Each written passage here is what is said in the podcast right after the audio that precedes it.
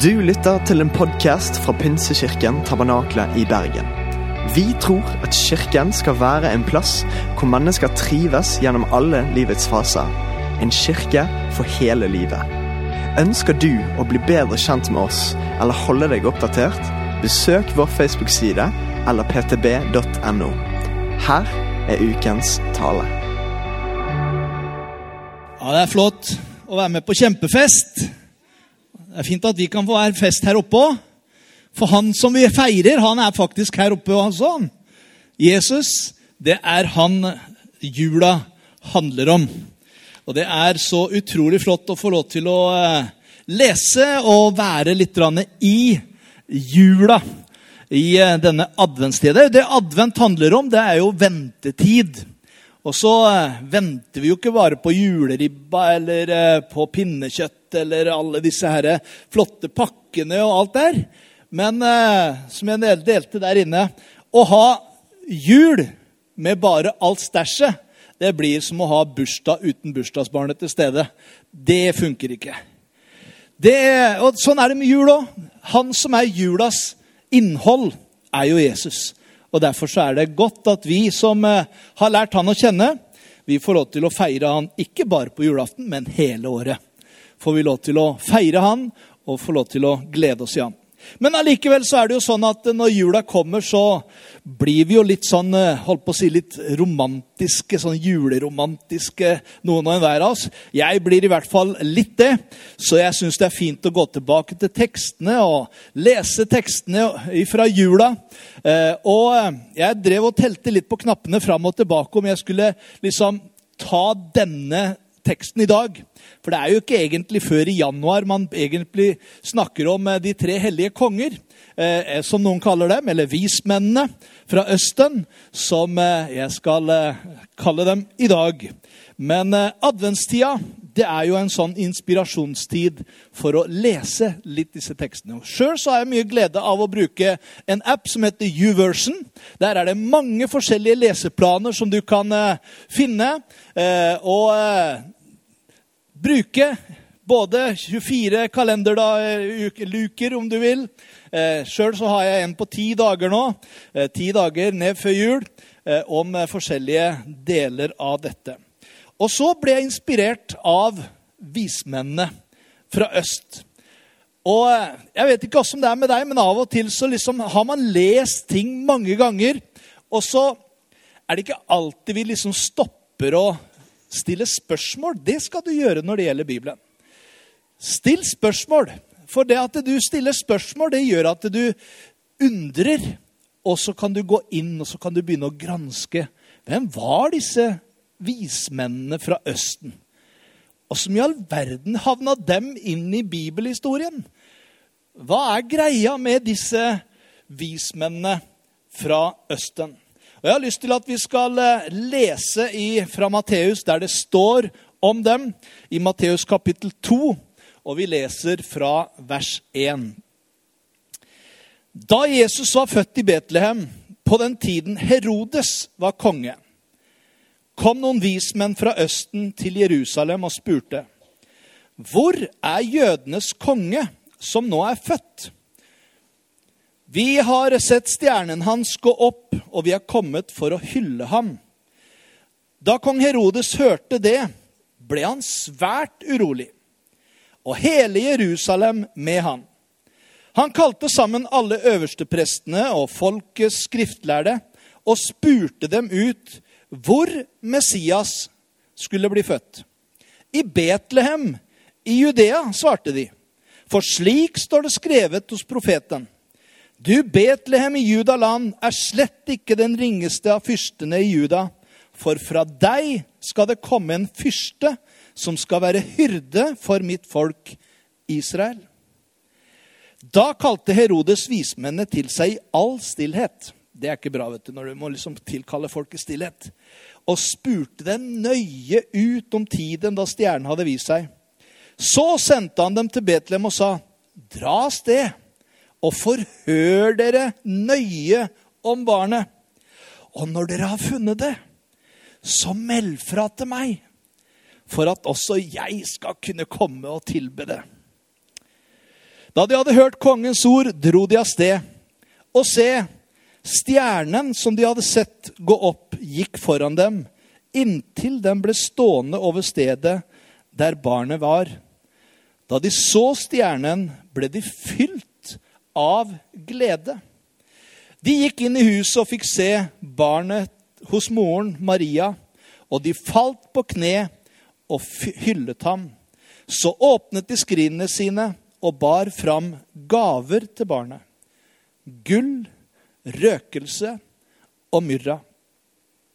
Men i, den, i en drøm ble de varslet om at de ikke måtte vende tilbake til Herodes, og de tok en annen vei hjem til sitt land. Det er det vi leser om vismennene fra øst. Hvem var disse vismennene?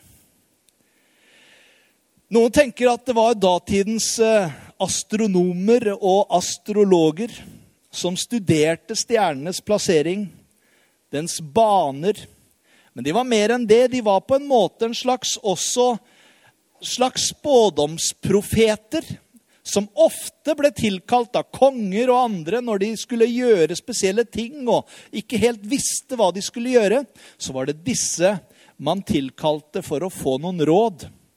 Kanskje dagens horoskop er kanskje noe av det nærmeste man kan tenke i forhold til å sammenligne det med.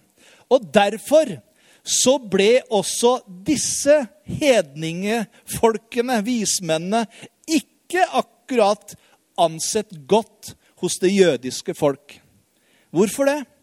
Nei, for i Det gamle testamentet leser vi at Gud advarer sitt folk mot å tilbe sola, månen og stjernene. 5. Mosebok 4,19. Men her møter vi stjernetydere som overrasker ved å ikke tilbe stjernene, men de har lyst til å komme og tilbe Han som har skapt stjernene. Det er det de ser. En annen stjerne som viser en konge som skulle bli født. Og det er helt utrolig å se hvordan de forbereder seg. Hvordan de må ha brukt masse energi og krefter. Det står ikke helt konkret dette, men man tenker at den turen fra der hvor de var, til Jerusalem kunne ta en tre til fire måneder å reise. Da kan du tenke deg at eh, ja, var de tre, eller hvor mange var de? Det står det heller ingenting om. Vi har antyda at det er tre, og tradisjonen har jo til og med gitt dem et navn, alle disse tre. Og at én skulle komme fra India, og én fra Persia og én fra Afrika. Men det står det heller ingenting om. Det er sånn sang som har kommet etterpå.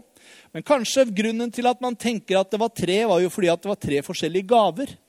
Men sannsynligheten er stor, sier historikerne, at det var en hel karavane av folk som kom for å tilbe kongen. Og Derfor så ble det så mye oppstuss også når de plutselig havna inn i Jerusalem. Og de må jo ha vært altså, Det er ikke hvem som helst som bare stiller opp og får en audiens hos Herodes. liksom. Så det må ha vært folk som var kjent i miljøet, i dette kongemiljøet som fikk komme dit. Disse ikke-jødene som lette etter jødenes konge, kan du på en måte si innledet tiden hvor folk, som Bibelen sier, skulle komme fra øst og vest og tilbe kongenes konge, som det står i Lukas 13, 29. Hver gang Jesus blir omtalt som jødenes konge i Matteus, er egentlig bare disse gangene. Helt i begynnelsen. Hvor er jødenes konge som skal bli født? Det var vismennenes spørsmål. Og neste gang du hører dette uttalt i Matteusevangeliet, er når Jesus blir stilt for retten og skal dø for våre synder. Han skal dø for sitt folk, og hedningene spotter ham med den samme tittelen som vismennene en gang bøyde seg ned for. Og Du leser om det i Matteus 27 og 29. Først der Pilatus spør er du jødenes konge? Og Så ser du soldaten etterpå som slår Jesus i hodet, spytter han i ansiktet og sier, er du jødenes konge, så si hvem som slo deg. Og tredje gangen er det når de korsfester han, så henger Pilatus en innskrift over hodet på han. Jesus Kristus, jødenes konge. Og Det ble jo ramaskrik, for de sa ikke 'skriv jødenes konge', skriv at han sa at han var jødenes konge. Det som er skrevet, er skrevet, sa Pilatus, og så lot han det stå. Men stjernetyderne i teksten, de kom fra Østen, står det. Så de var kanskje både persere, eller kanskje til og med indere. Som de var tre eller flere, det står det ikke helt om. Men det vi ser, er at de hadde et mål, og det var å treffe denne nye kongen som var født. Og det står at når de kom og fikk se barnet hos Maria, så ble de jublende glade, og de ga ham kostbare gaver. De fulgte stjernen til Betlehem, til barnet og til Maria som var født.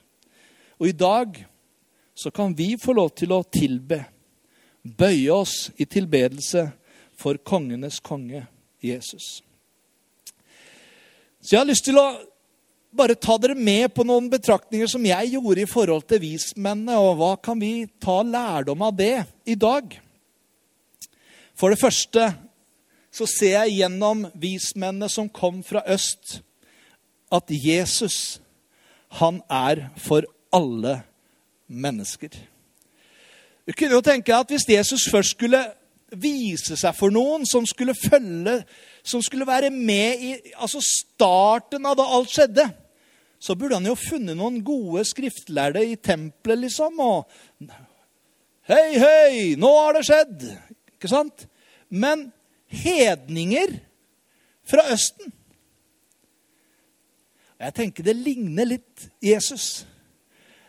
Han eh, kommer ikke alltid i det pompøse og voldsomme, men han kommer blant de ringe, blant de fattige.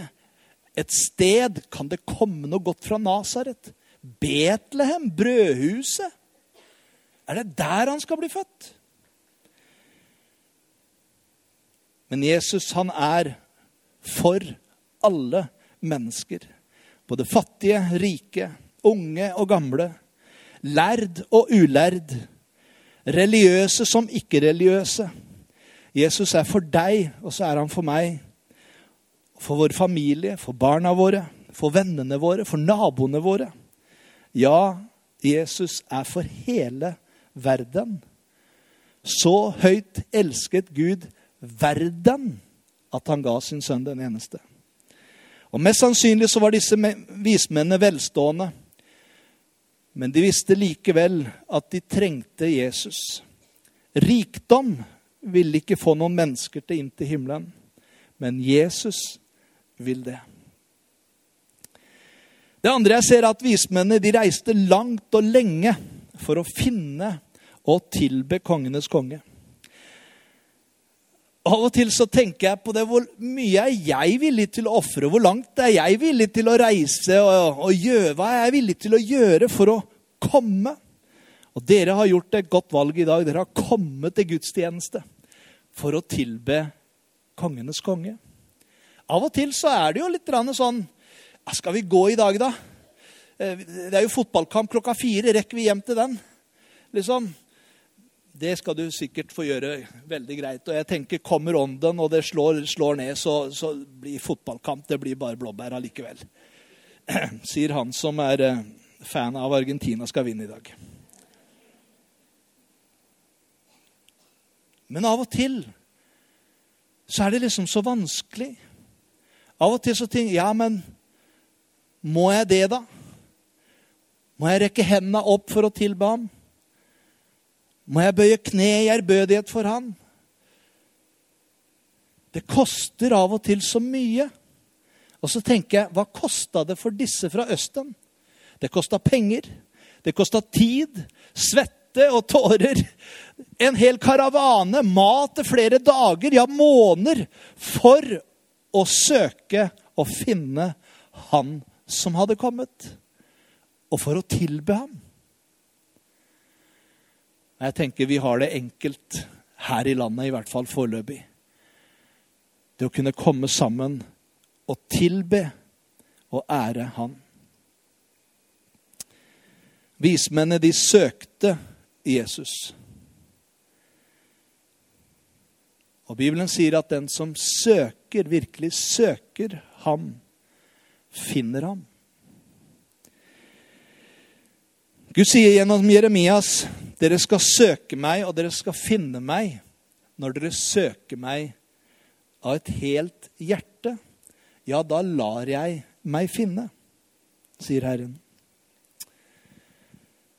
Så vismennene de søkte, og fordi de søkte, så fant de Jesus. Og så har jeg skrevet en liten sånn eh, De vise som fant Frelseren, og de som gikk glipp av han. Eller de som mista han. For vismennene fra øst, de eh, kom først til Jerusalem. Det ville jo være naturlig. Tenke, En ny konge er født. Hvor er det han er født? Den? Jo, det må jo være på palasset. Det må jo være i Jerusalem, der hvor slottet er. Så eh, det er klart at det var jo ikke noen ulogisk tanke, det. Det som kanskje overraska dem mest, var at de kom dit, og ingen hadde hørt om noen ny konge som var født. Ikke visste de så mye om det heller. Så Herodes han må tilkalle de skriftlærde og fariseerne. Hvem var de? det var datidens bibellærde. Det var de som hadde studert Toraen fra perm til perm, som kunne profetene, som kunne lovene, som visste alt som sto i Skriften. Så når Herodes kommer til disse vise og spør hvor er det Messias skal bli født, så visste de det med en gang. Ja, Mika skriver om det. Det er i, det er i Betlehem, det. Men når da disse fra Østen kommer, vi har sett stjernen hans gå opp, vi vet at en konge er født, tror du de bryr seg noe om å sjekke om det kanskje Wow! Har vi gått glipp av noe? Vi må hegge oss på! Det ville jo jeg tenkt. Liksom, Her må vi jo bli med! Tenk om det er det som har skjedd! Ja, for jeg mener, Hadde det stått i, Bet i Jerusalem, på Slottet, så hadde de kunnet sitte der og vente. Men de visste at det var i Davids by Betlehem det kom til å skje. Og når disse da kommer, og det spørs Er det virkelig tida? Er det nå han kommer?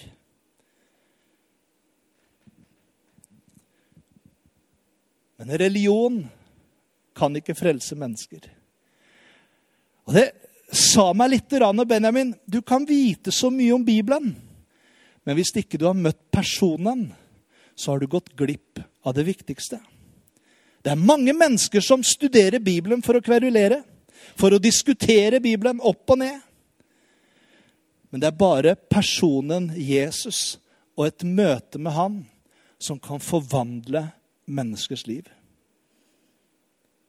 Og de vise fra Østen de hadde denne lengselen. De ville møte han, den nye kongen som var født. Jeg vet ikke. Står ikke noe om det heller. Men jeg undrer meg jo litt om kanskje de skriftlærde og fariseerne hadde det litt for godt i beskyttelse av Herodes. Var vant til å vanke på slottet, fikk alt de trengte. Kanskje det var for bekvemmelig å på en måte si at la oss dra til Betlehem og se. Kanskje det, vi ville miste noe av Herodes gunst. Kanskje det var viktig det for dem å gjøre ham til laks og mennesker til laks enn å på en måte sjekke om Bibelen var sann.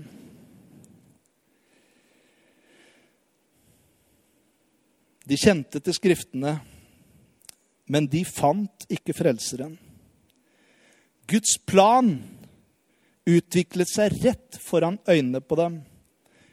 En tid med overveldende profetiske oppfyllelser. Englene, folketellingen, de vise fra Østen. De fant den bibelske bekreftelsen, men de gjorde ingenting med den. Og Det sterke midt oppi dette er at disse vise på slottet til Herodes, fariseeren og de skriftlærde, skulle være de som skulle vie hele livet sitt på å tvile og motarbeide Kristi guddom.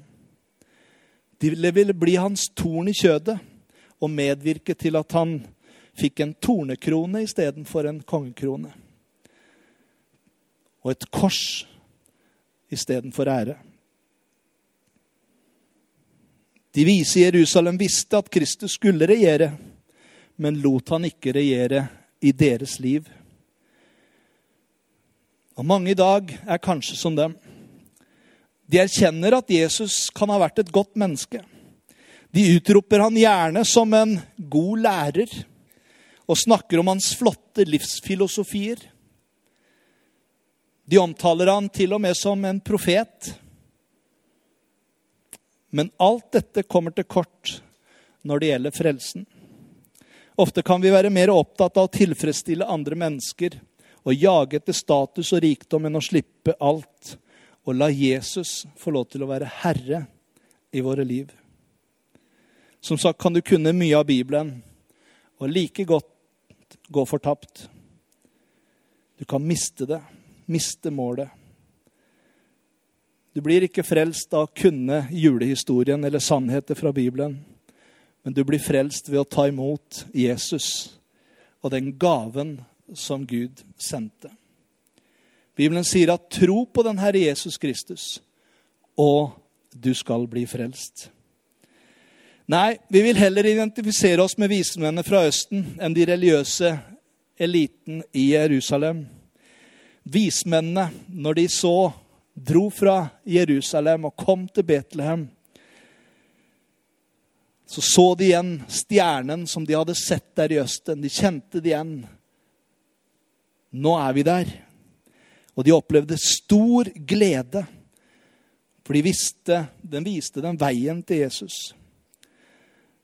Og når vi finner Jesus, eller rettere sagt når vi lar oss finne av ham, så kan du og jeg også oppleve den gleden den freden som kommer ved et møte med Jesus. Jesus sier at eh, 'jeg har kommet for at dere skal ha liv og overflod'. Det er det han ønsker å gi. Og jeg tror at vismennene i enkelheten Tenk deg den pomp og prakt de kom med. Karavanen med gull, røkelse, myrra.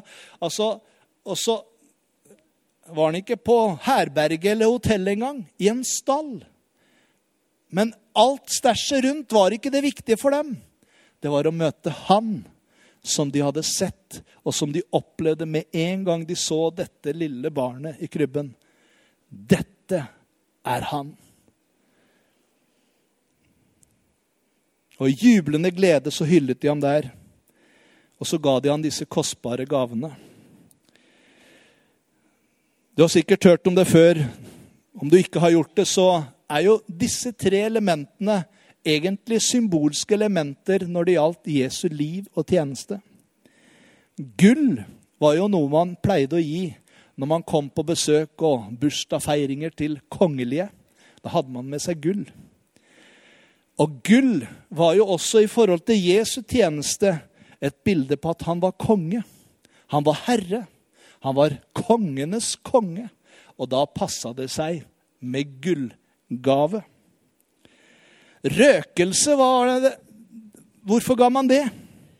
Det var jo noen sånne holdt på å si harpikskuler som, eh, som var malt, og som man tente ild på, og så kom det lukt inn i rommet. Vi har jo noen sånn kvasigreier her ikke sant? når vi har litt sånn røykmaskin. og det, Du kunne nesten tro at det sto litt i brann bak her i stad. Men altså, men huset fyltes med røyk, står det i tabernakelet. Det var røkelsen som kom opp, som et bilde på et nærvær, men samtidig som et bilde på en tilbedelse til en som er verd all lovprisning. Røkelse er en gave i erkjennelse at han er Gud, og han fortjener all vår lovsang. All vår tilbedelse. Gull fordi han var konge. Røkelse fordi han var verd all tilbedelse. Men myrra, da? Myrra preker fram mot Jesu død for våre synder. Myrra var noe som man ofte brukte i sammenheng med at man hadde linklede rundt døde mennesker, og så krydra de det med myrra for at de skulle balsameres og ikke lukte vondt. Altså det var jo litt av en gave å gi til et nyfødt barn. Myrra. Men alle disse elementene de pekte fram mot noe som var sant i hans liv. Allerede fra starten av så var det pekt fram om at han skulle dø for våre synder. Men han skulle stå opp igjen til vår rettferdighet. Men allerede fra fødselen av så ble han påminnet om dette, både Maria og barnet. Og Gavene som vismennene ga til Jesus, er egentlig bare bilder for oss også om at han er den store gaven. Med stor G, holdt jeg på å si. Det er jo ikke disse gavene, men han er jo gaven som kom fra Gud. Og gaven vi kan gi ham tilbake, det er våre liv. For av nåde er dere frelst ved tro. Det er ikke deres eget verk, men det er Guds gave. Troen er en gave som vi har fått fra Gud, som vi kan få lov til å gi tilbake til Han. Tro på Han og leve for Han. Vi kan gi Han vår tid, vårt liv, våre krefter, våre evner og vår tjeneste tilbake i tilbedelse og takk for den gaven Han er.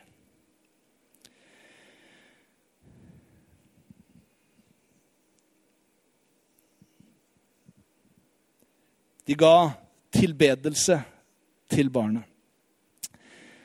Hvis det noen gang var en tid da man kunne holdt på å si tenkt at mariadyrkelse var ok, så var det vel her. Når Maria hadde født i en stall i Betlehem, ja, det, altså det kunne man jo hylle henne for. Men det var ikke henne som fikk hyllesten. De visste at det er Jesus. Det er han vi hyller. Og Det står så fint om Maria, både her og senere, at Maria tok og så gjemte hun alt i sitt hjerte. Alt det som ble sagt om han. I dag kan vi fristes av å gi ære og tilbedelse til ting, til rammene rundt, til stæsjet, systemer, eller dyktige personer. Men husk, det er bare Jesus som fortjener all vår lovsang og all vår tilbedelse. Han troner på vår lovsang, står det. Hva betyr det for noe? Jo, jeg tror at han trives når vi løfter han opp. Fordi når han blir løftet opp, da drar han oss til seg, står det. Og så skjer det ting i den atmosfæren hvor Gud kan begynne å virke. Helbredelse, kraft, under og mirakler skjer der hvor han blir løftet opp. Og Derfor så står det også i Salme 103,1.: Velsign Herren min sjel. Ja, la alt som er i meg, velsigne Hans hellige navn.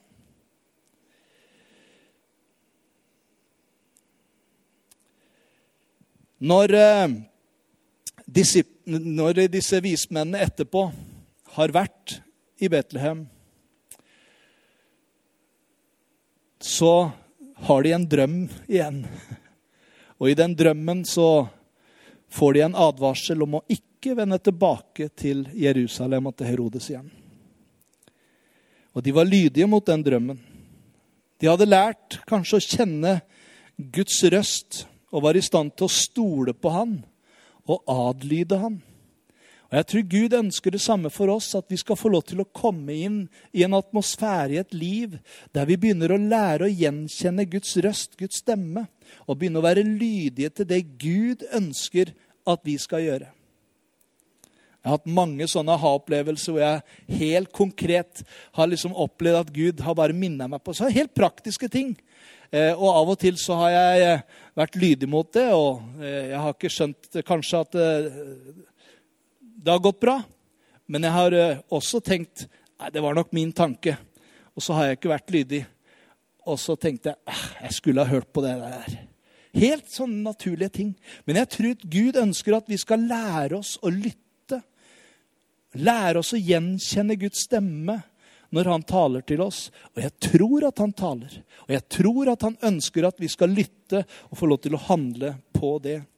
Det står at Herren gjør mannens gang faste og gleder seg over hans vei. Om han faller, går han ikke over ende, for Herren holder hans hånd. Han løfter oss, han bærer oss. Jeg tror ikke at når eh, du tar imot Jesus, så blir alt vel, og da er liksom ikke noen problemer som skjer. Det står at i denne verden kommer dere til å ha trengsler. Men vær ved godt mot, sier han, for han har overvunnet verden. Vi kan eh, oppleve lidelse, nød og sorg, men vi kan være trygge sammen med han som har sagt, 'Jeg er med dere alle dager' inntil verdens ende. Og den endelige seieren, den hører Herren til. For han har sagt, 'Jeg svikter deg ikke, og jeg forlater deg ikke'. Derfor kan jeg tillitsfullt si, 'Herren er min hjelper'. Jeg frykter ikke. Hva kan da et menneske gjøre meg? Hvis Efeserne står det, men Gud være takk som gir oss seier ved vår Herre Jesus Kristus. Derfor, mine kjære søsken, stå fast og urokkelige, og arbeid raust og rikelig for Herren, for dere vet at i Herren er ikke deres strev forgjeves. Og Jeg avslutter med et uh, julesitat som sier at vismenn, de søker han fortsatt. Hva betyr det for noe? Jo, vil du være vis, ja, da søker du Herren. Det er det vismennene fra øst gjorde. De søkte Han. Og det er klokt og vist av oss å få lov til å gjøre også. Og få lov til å søke ham. For en stor sannhet å få lov til å dele med de som kommer etter oss også. Lære de som kommer etter, å søke Gud hver dag. At, for at de skal bli enda visere. For sann visdom, står det i Bibelen, den kommer ovenifra. Og gjennom tid med Guds ord, gjennom bønn og ved å gi Den hellige ånd rom i våre liv. Hans kraft og hans ledelse. Og Jeg har lyst til å avslutte med noen vers fra ordspråkene. Det står der i ordspråkene 3 fra vers 1. Min sønn, og det må gjerne være min datter òg, glem ikke min rettledning.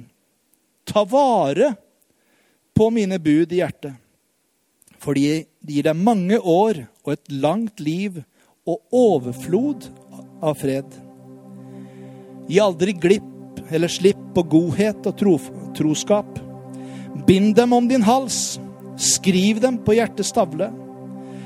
Da får Gud og mennesket velvilje for deg og ser at du er forstandig. Stol på Herren av hele ditt hjerte, og støtt deg ikke til din egen innsikt. Tenk på ham hvor du enn ferdes, så gjør han dine stier jevne. Vær ikke vis i egne øyne, men frykt Herren, og vend deg bort fra det onde. Det blir til helse for kroppen og styrkedrikk for marg og bein. Gi Herren ære med det du eier, med førstegrøden av hele din avling. Da skal din matbod fylles opp, og pressekummene renne over av ny vin. I dag er det vi som får lov til å bøye kne i tilbedelse av Jesus, kongenes konge. Og Jeg har lyst til å si la Jesus være din prioritet denne jula og resten av livet ditt. Han vil gi livet ditt hensikt og mening.